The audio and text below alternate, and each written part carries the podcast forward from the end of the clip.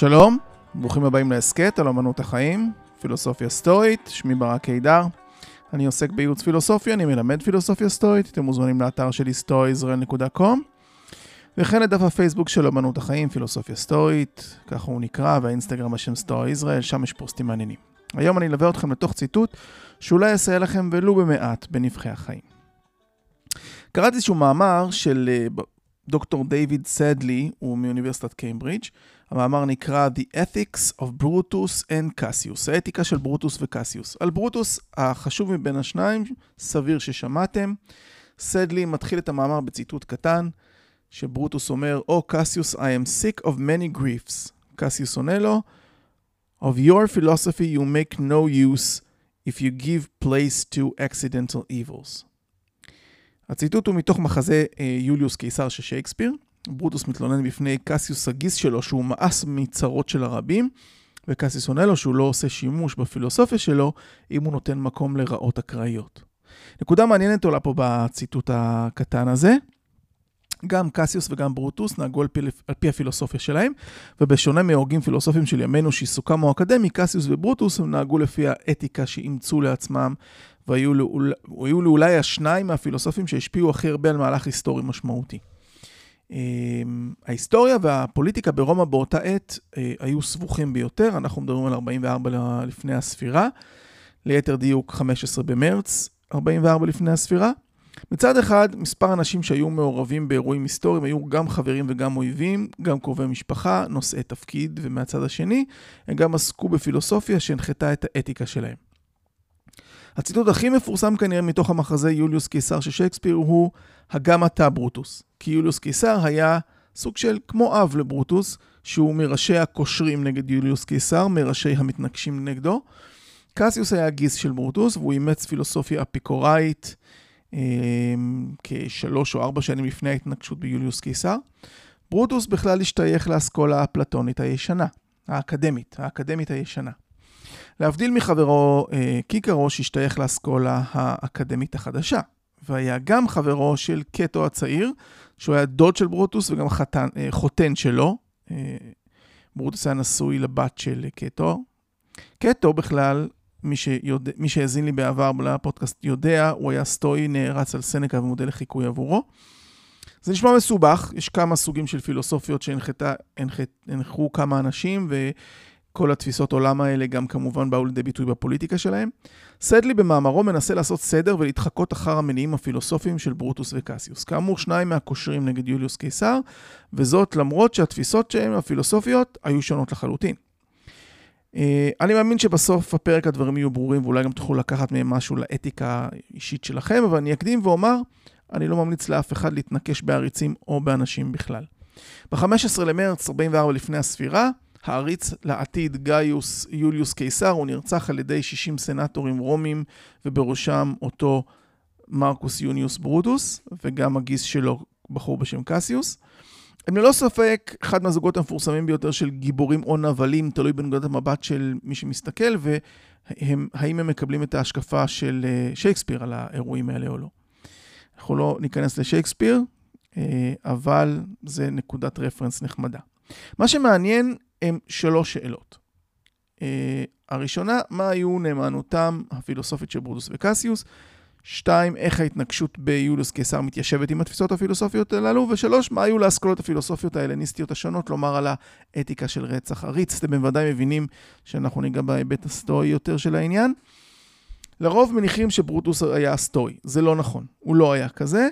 Uh, בניגוד לדוד שלו והחתן והחותן שלו, קטו הצעיר, שסנקה ראה בו מודל לחיקוי, אה, ברוטוס היה פלטוניסט. ליותר דיוק, הוא היה חסיד של האקדמיה הישנה שנוסדה על ידי בחור בשם אנטיוכוס מאשקלון.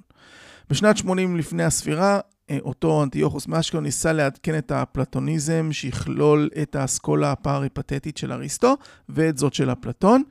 כן, אמרתי אנטיוכוס מאשקלון, מעניין אם גם היום יש באשקלון איזה אנטיוכוס אחד או שתיים. ברוטוס למד אצל, אבל אולי זה גם שם טוב לפלאפליה, אה, אנטיוכוס מאשקלון. ברוטוס למד אצל אחיו של אנטיוכוס אריסטוס, וכתב מספר חיבורים פילוסופיים נחשבים, אה, גם על סבלנות ועל התנהגות נאותה. למעשה ברוטוס זכה להערצה כל כך כפילוסוף בפני עצמו, עד שקיקרו הקדיש לו כמה מהספרים שלו, וגם דיאלוג על שמו. קסיוס מצידו, הגיס, הוא היה אפיקוראי. למרות שהוא אימץ את התפיסה רק כמה שנים לפני הרצח של יולוס קיסר, הוא היה אז חדש יחסית בפילוסופיה הפיקוראית, ולא ידעו מה היו התפיסות הפילוסופיות שלו לפני כן. זה מעניין מכיוון שהאפיקוראים התנגדו נחרצות למעורבות פוליטית. בתוך איזושהי טענה שהדבר הזה יכול לגרום, פוליטיקה יכולה לגרום לכאב וסבל. וחיים ללא כאב הם השאיפה העיקרית לאפיקוראי. לפיכך קסיוס החליט בשנת 48 לפני הספירה לפרוש מהמאבק של הרפובליקאים נגד יוליוס קיסר, אבל הוא הצטרף שוב כעבור כמה שנים, כנראה כי הוא חשב שהנסיבות קשות מספיק. אם כן, יש, צריך לראות את ההשתתפות אה, בקשר, בקונספירציה אה, נגד קיסר, לא בהכרח כמבוססת על התפיסה הפילוסופית שלו, אלא לפעמים אולי אפילו חרף התפיסה הפילוסופית שלו. למרות שיש איזושהי הצדקה אחת לאפיקוראי כן לנהוג אה, כך, אבל זה לא העיקר בפרק הזה, אני אסביר זאת בקצרה עוד רגע. אה, פלוטרכוס, גם אותו ציינתי, פלוטרך, ציינתי אותו בפודקאסט בעבר, הוא חי לא הרבה אחרי האירועים הללו. הוא כתב על החיים של כל מיני אישים מפורסמים אה, ביוון ורומא, ובסיפור שלו, חיי ברוטוס, הוא מספר לנו על אירוע מעניין, על הדרך שבה ברוטוס אסף שותפים לסוד ולקשר נגד יוליוס קיסר.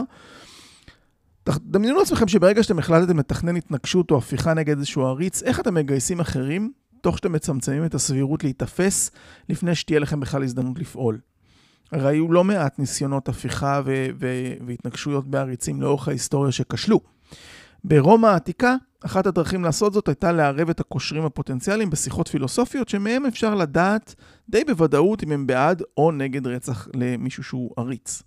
והנה ציטוט מתוך פלוטרך, מה שהוא כתב על, זה, על אה, איך שנהג ברוטוס, והוא כתב כך: מכיוון שגם מחבריו האחרים ברוטוס הוציא את סטטיליוס האפיקוראי ואת פבוניוס המאהב של קטו, כלומר סטואי, הסיבה לכך היא שכאשר במהלך שיחה פילוסופית משותפת הוא העמיד אותם באופן עקיף למבחן כזה. השיב פבוניוס הסטואי שמלחמת אזרחים גרועה ממונרכיה שמזלזלת בחוק. בעוד שסטטיליוס אמר שזו לא התנהלות נאותה למי שחכם ואינטליגנטי לקחת על עצמו סיכונים ודאגות בגלל אנשים רעים וטיפשים. לבאו, שהיה שם, דיבר נגד שניהם. ברוטוס היה מסויג באותה הזדמנות ואמר שלוויכוח יש היבטים בעייתיים שקשה להכריע בו. אבל מאוחר יותר הוא חשף את העלילה ללבאו.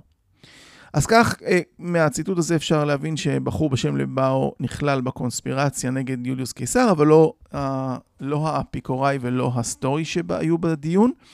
האפיקוראי והסטואי בקשר לרצח יוליוס קיסר לא לקחו חלק, ובדיקת תפיסת העולם של האפיקוראי והסטואי, מדוע הם התנגדו לרצח עריץ, תגיד לנו הרבה לא רק על הדעות שלהם האישיות, אלא על הפילוסופיה שלהם. השאלה שברוטוס הציב בפני האפיקוראי הייתה, האם האדם החכם צריך לקחת את הסיכון ולדאוג בגלל הרעים והטיפשים? השאילתה מנוסחת בקפידה כדי לדבר על התפיסה האפיקוראית של סטטיליוס, האם אי פעם ניתן לדרג מעורבות פוליטית מעל לאטרקסיה. אטרקסיה זאת אומרת המטרה של האפיקוראי להגיע לחיים שלווים. כאשר סטטיליוס מגיב בשלילה, הוא פשוט מציין את העמדה האפיקוראית הסטנדרטית, ש... אבל השאלה היא, מי הם הרעים והטיפשים? יש שתי אפשרויות, או שהביטוי מתייחס לתומכי יוליוס קיסר, או שהוא מתייחס לעם הרומי. אם זה הראשון, דהיינו יוליוס קיסר, אז קל להבין מדוע אפיקוראי יסרב בנימוס להסתבך. אבל אם זה האחרון, דהיינו העם הרומי, הדברים נעשים קצת יותר מעניינים, כי אפיקוראים אכן הודו שאפשר לקחת סיכונים עבור חברים. עם זאת, אני מבין שעבור אפיקוריים כגון הבחור הזה סטטיליוס, אה, אנשים לא נחשבים למעשה כחברים. ייתכן שההבדל נבע מכך שסטטיליוס, דרך אגב, זה, זה לעומת אה, קסיוס, שכן היה גם אפיקוראי, אבל כן השתתף בהתנגשות.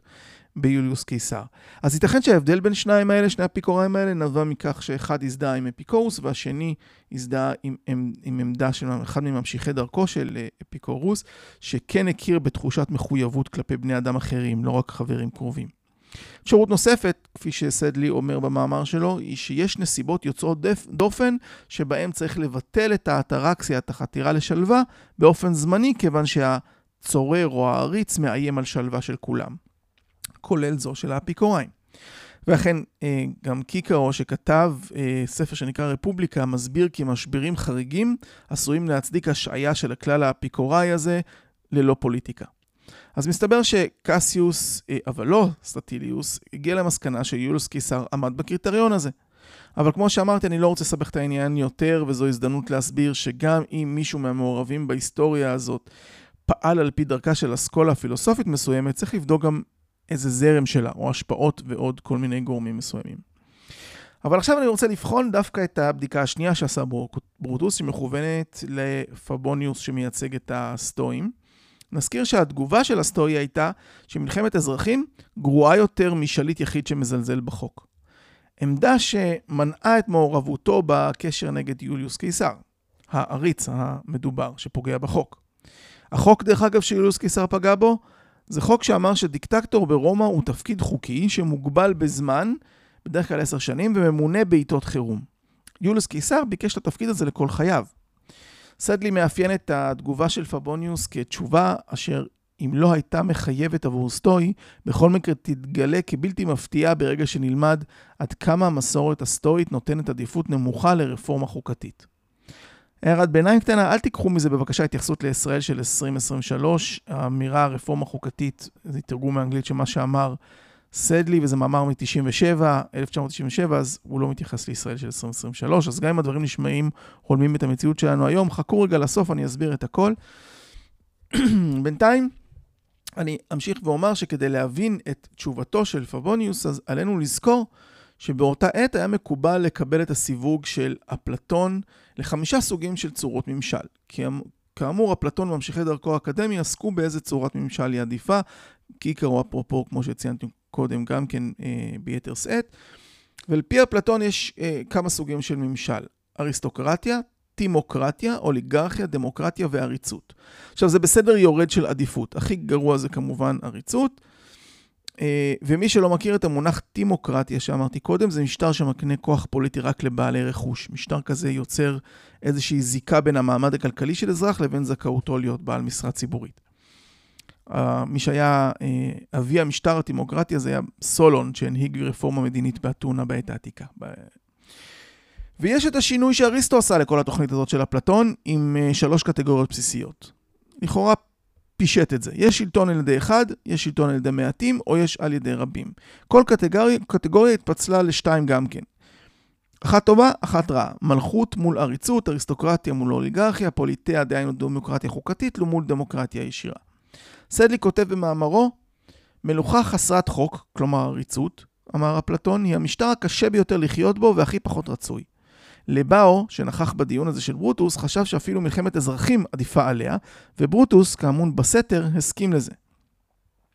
ואכן שמונה שנים לפני רצח של יוליוס קיסר, ברוטוס כתב נאום נגד פומפיוס. פומפיוס היה המתחרה העיקרי של יוליוס קיסר, והנאום השפיע על כמה מעמיתיו הבולטים בסנאט של ברוטוס, כולל קטו הצעיר הסטואי שהיה דוד שלו. וברוטוס כתב שבדיקטטורה עדיף לא לשלוט באף אחד מאשר להיות משועבד למישהו. אפשר לחיות חיים מוסריים בלי לשלוט, אבל אין בכלל תנאים שבהם אתה יכול לחיות עם שיעבוד. את המשפט הזה, דרך אגב, מצטט גם סנקה, ואני אסביר אחר כך את הכוונה של סנקה עוד מעט, למה הוא ציטט את זה.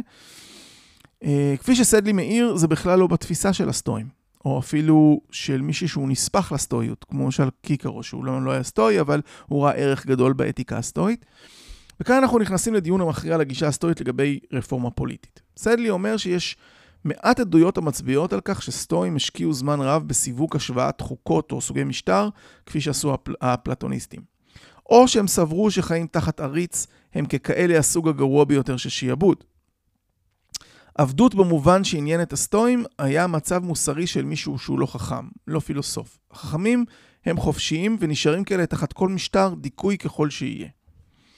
סלי ממשיך ואומר שאנשים לא פילוסופים הם עבדים והם עלובים לחלוטין, וזה נשאר כך בכל סוג של משטר שהם יכולים לחיות תחתיו. לא הייתה אם כן מסורת סטואית לתמוך ברצח של עריץ, או בכל אמצעי דומה להפלת משטר, משטרי דיכוי.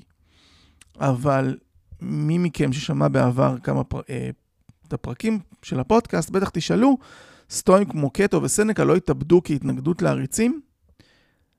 אה, לא בדיוק. בהקדמה להתאבדות שלו, קטו הגן במפורש על הפרדוקס הסטואי הטוען שרק הטובים מוסרית הם חופשיים. מאוחר יותר תחת האימפריה, ההתאבדות הסטואית של סנקה מאורגנת בקפידה, עקבה במודע את אותה מסורת אה, כמו של קטו, בעוד שב...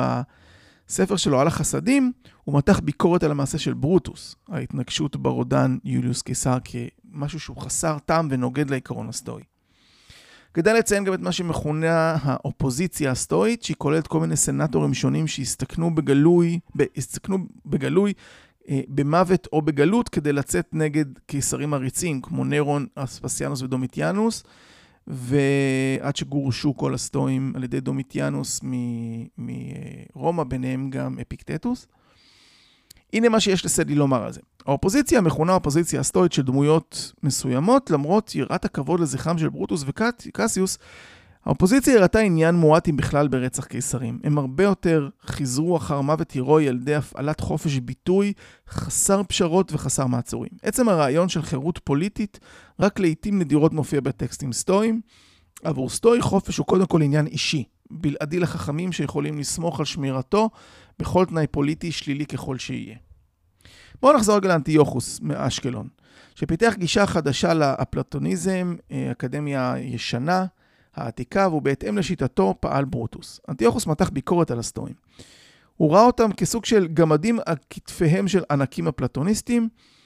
ההתנגדות העיקרית שלו לסטואיות הייתה התפיסה שמידות טובות הן הטובות היחידות, בעוד שגורמים חיצוניים כמו בריאות, עושר, מוניטין, שאין עלינו עליהם שליטה, הם רק מועדפים והם לא מוסיפים דבר לעושר. כאמור, אנטיוכוס התנגד לזה. עבור הסטואים הסיבה היחידה לחפש גורמים חיצוניים כאלה, היא משום שהם מציעים את חומר הגלם להפעלת בחירות טובות. למעשה השגת חומרים חיצוניים כאלה אינה רלוונטית לחיים, החיי העושר, היודאימוניים. סדלי מספר לנו שאנטיוכוס ראה בעמדה הזאת סטייה של האפלטוניות. על פי האקדמיה הישנה של אנטיוכוס, להחזיק ולממש מידות טובות זה הכרחי ומספיק עבור יודאימוני, עבור עושר, אבל דברים כמו בריאות, עושר ומוניטין וכן הלאה הם מוצרים מצטברים נוספים שבלעדיהם לא ניתן להשיג את העושר הגדול המרבי ביותר. בקיצור, הוא תמך במידות טובות, אבל לא כי בלעדיים לאושרו של אדם, הוא חשב שצריך גם מוניטין טוב, כסף, בריאות ועוד. עכשיו, אם אתה חי תחת עריץ, אתה עדיין יכול לממש מידות טובות, אבל לא יהיו לך לפחות חלק מהדברים החיצוניים המועילים שיהפכו את חייך לטובים, אבל לא מאושרים. על פי אנטיוכוס כמובן. מה אז? שוב, התשובה הסטואית שונה מזו של האפלטונים. עבור הסטואי, כמו קטו, אתה מפקיע את החיים שלך עצמך במקום להתפשר על, המ... על המעלות שלך, על המידות הטובות שלך. מדיניות הדלת הפתוחה המפורסמת של אפיקטטוס. הסיבה לכך היא שהחיים עצמם הם סוג של אדישות מועדפת. וסיום חיים מאושרים, דהיינו החיים שחיו אותם על פי מידות טובות, סיום של חיים מאושרים כאלה, עכשיו או מאוחר יותר לא משנה ולא מגדיל או מפחית את העושר. הסטואים מניחים שאם אין שליטה, הם, הם מניחים שאם אין שליטה על החיים ככלל, הם רק מועדפים ולא הכרחיים. הכרחי יותר שהם יהיו על פי מידות טובות מאשר שהם יהיו בכלל. על כן בחירתו של קטו לקחת את חייו בידיו על פני חיים תחת יוליוס קיסר, שבוודאי היה עושה עניין מלמחול לקטו ולהציג את זה לראווה, אז אה, זה גבר על ההתנגדות שלו לקיסר, והוא לקח את, ה, את חייו בידיו קטו. אבל להתאבדות מכובדת מבחינה מוסרית, אין מקום לא במסורת האפלטונית או של אריסטו, שממנה שאב אנטיוכוס ובהתאם גם ברוטוס. ברוטוס עצמו אכן התאבד, דרך אגב, לאחר התבוסה הסופית בקרב פיליפי, זה הקרב בין מרק אנטוני מאהבה של קליאופטרה, והקרב הזה נגד אה, אוקטביאנוס, שזה שניצח והפך להיות אוגוסטוס הקיסר הראשון של רומא. אבל פלוטח מסביר את זה לא כפעול, את ההתאבדות של ברוטוס, לא כפעולה נגזרת מהפילוסופיה הפלטונית שלו, של ברוטוס, אלא כנטישה שלה. סדלי מוסיף עוד ניגוד אחד בין סטואיות לאפלטוניזם בכל הנוגע לפוליטיקה. אין ספק שהיו כמה סטואים מעורבים פוליטית, במיוחד ברומא, שנלחמו בעקשנות על הערכים שלהם. אבל בסופו של דבר הסטואית הייתה חייבת לאפשר ששום צורת ממשל לא תגרום למאושרים להיות פחות מאושרים. זו אולי הסיבה לכך שלא הייתה מסורת סטואית מבוססת של הצבת חוקות או צורות ממשל בסדר העדיפויות. האפלטוניזם לעומת זאת תמיד סיווג ודירג חוקות וצורות ממשל ועשה זאת במפורש בטענה שהנתינים במדינה יכולים להיות מאושרים פחות או יותר על פי הוראותיה, הפול... הוראותיה הפוליטיות. הוא גם ממשיך ואומר שאם ברוטוס אכן הרגיש שיש לממש באופן פעיל את המעלה של צדק פוליטי גם תחת עריצות של יולוס קיסר, לא היה ספק את מי מקרובי משפחתו המפורסמים הוא הולך לחכות. הוא לא הלך לחכות את קטו, הדוד הסטואי שלו, שהתאבד לפי פלוטח, ברוטוס התנגד להתאבדות, להתאבדות הזאת של, של קטו במפורש בגלל הבסיס הפילוסופי. אבל לברוטוס, היו בהיסטוריה המשפחתית אבות קדומים ומהוללים שנהגו אחרת, שגירשו את אחרון המלכים מרומא ב-509 לפני הספירה, כאלה שרצחו את עריצים. בעוד שלסטואים לא הייתה היסטוריה של רצח ועריצות, לפלטוניסטים בהחלט כן. הפלטוניסט טוב יקדם רפורמה פוליטית בכל האמצעים הדרושים, כולל התנגשות, אם המצב היה חמור מספיק. פלוטר שכתב על חיי אישים, השווה דמויות היסטוריות מתקופות שונות, והוא השווה את ברוטוס לדיון. דיון היה תלמיד של אפלטון, שהפיל את עריצותו של דיוניסוס השני מסירקיוז, אה, שזה ב... אה, בקורסיקה, ב... לא בקורסיקה, בסיציליה. סדלי מסכם. כשאנחנו צופים בתפקידו של ברוטוס באירועי עידו של מרס, אירוע התנגשות ביולוס קיסר, זו המחשבה הפוליטית האפלטונית שאנו רואים מוצאת אל הפועל. והסיבה שסדלי מסכם כך, כי היו שטענו שברוטוס הוא סטואי, או הושפע מהסטואים, אבל זו לא הגישה הסטואית. כדי להסביר מה כן, הנה מה שהיה לסנקה להגיד על התנגשות ביוליוס קיסר, והוא כותב על ברוטוס בספרו על החסדים כך. אבל לי נראה כי אף על פי שהיה אדם גדול בשאר הדברים, בזה שגה מאוד ולא התנהג כמשפט חכמי הסטואים. כמובן הוא מתייחס לברוטוס. אפשר כי פחד היה לו מפני מעלת המלכות, אף על פי שסדרי מדינה היותר טובים הם במשול מלך צדיק.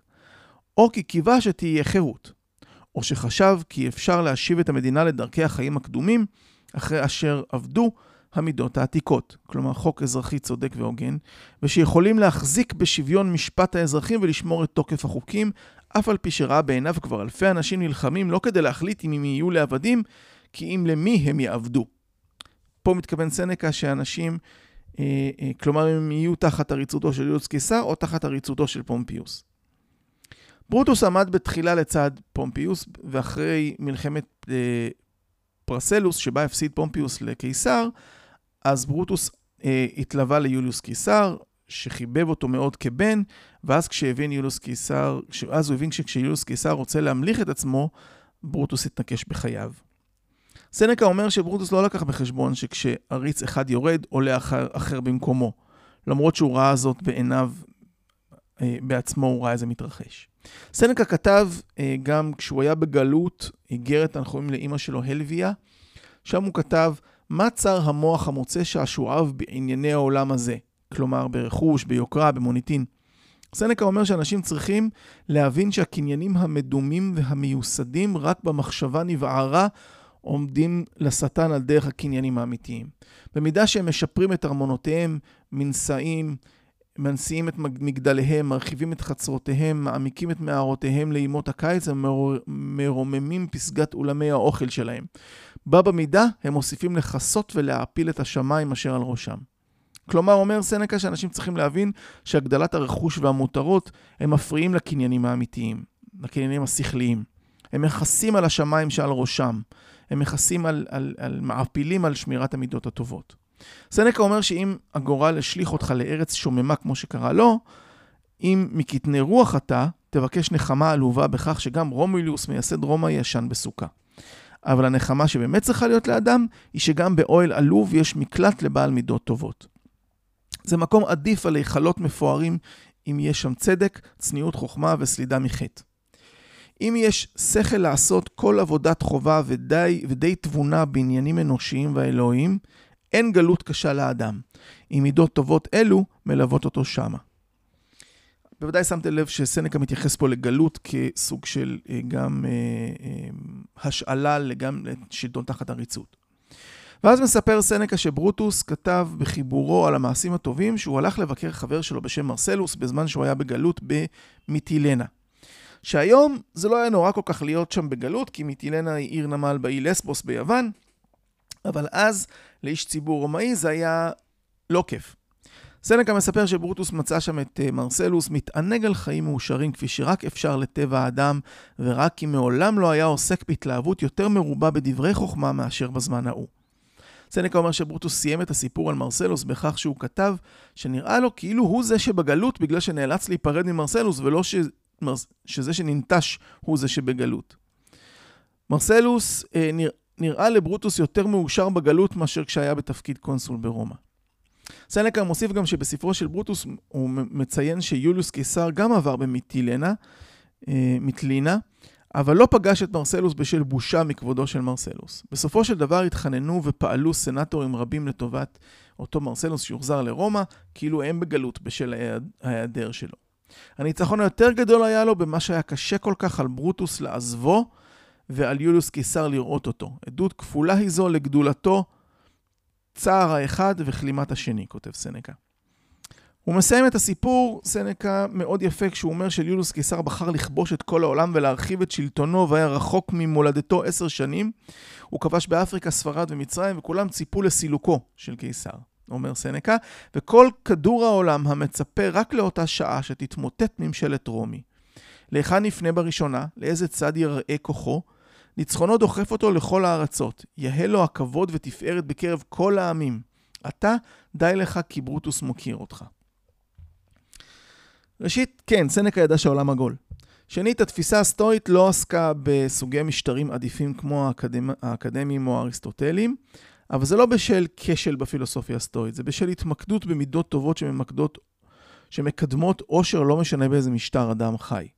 ההיסטוריה מוכיחה שסטואים היו בעמדות מפתח לאורך כל ההיסטוריה, אם זה בהתחלה ביוון, אחר כך ברומא או בימי הביניים, ובעת החדשה למשל בעת החדשה המוקדמת, כשג'ורג' וושינגטון נשא בכיסו את המדריך של אפיקטטוס, ויש גם חוקרים שמצאו אמירות של קטו בנאומים של וושינגטון ללא ציטוט מפורש. גם היום מי שמתרגל פילוסופיה סטואית יכול להיות מעורב בפוליטיקה או לתמוך בצד כזה או אחר, כל עוד הוא פועל על פי מידות טובות. אין צורת משטר שתהיה אידיאלית. אני לא חושב שמישהו יטען לכך, וכל אוטופיה היא אוטופיה, היא לא באמת קיימת. יש סגנונות משטר שונים. אבל יש טובים יותר וטובים פחות, כמו שיש גישות כלכליות טובות יותר וטובות פחות. אני למשל לא הייתי רוצה לחיות בסין, שם השיטה הנהוגה היום היא יותר קפיטליסטית, אפילו שפעם הייתה קומוניסטית, אבל אין שם חופש דיבור. לא הייתי רוצה לחיות באיראן, שם אין זכויות בסיס, גישה לא סטורית בעליל. גם בארצות הברית של היום יש בעיות קשות מבחינת זכויות אדם, ואם אני מאמין בקפיטליזם, כבסיס המאפשר לכל אדם הזדמנות לחיים טובים, אולי אני בהכרח יעדיף גם את הסוציאליזם הסקנדינבי. בכל משטר פוליטי וכל גישה כלכלית חשוב לבחור בדרך בה אנחנו נשמור על המידות הטובות למען האושר שלנו, בדיוק כמו הדוגמה של סנקה, שאפילו בגלות אדם יכול להיות מאושר, כי הוא צריך רק את המידות הטובות לשם כך. זאת לעומת הגישה של אנטיוכוס מאשקלון, שבוודאי לא היה מקבל את דברי סנקה, אבל תומך בהתנגשות פוליטית. לי נראה שעדיף לעשות מה שאפשר, אה, אבל, אבל לשמור על המוסר שלך ובהתאם גם על האושר שלך. אז עד כאן להפעם, תודה שהאזנתם, אנחנו נשתמע בפרק הבא אם ירצה הגורל. היו בטוב.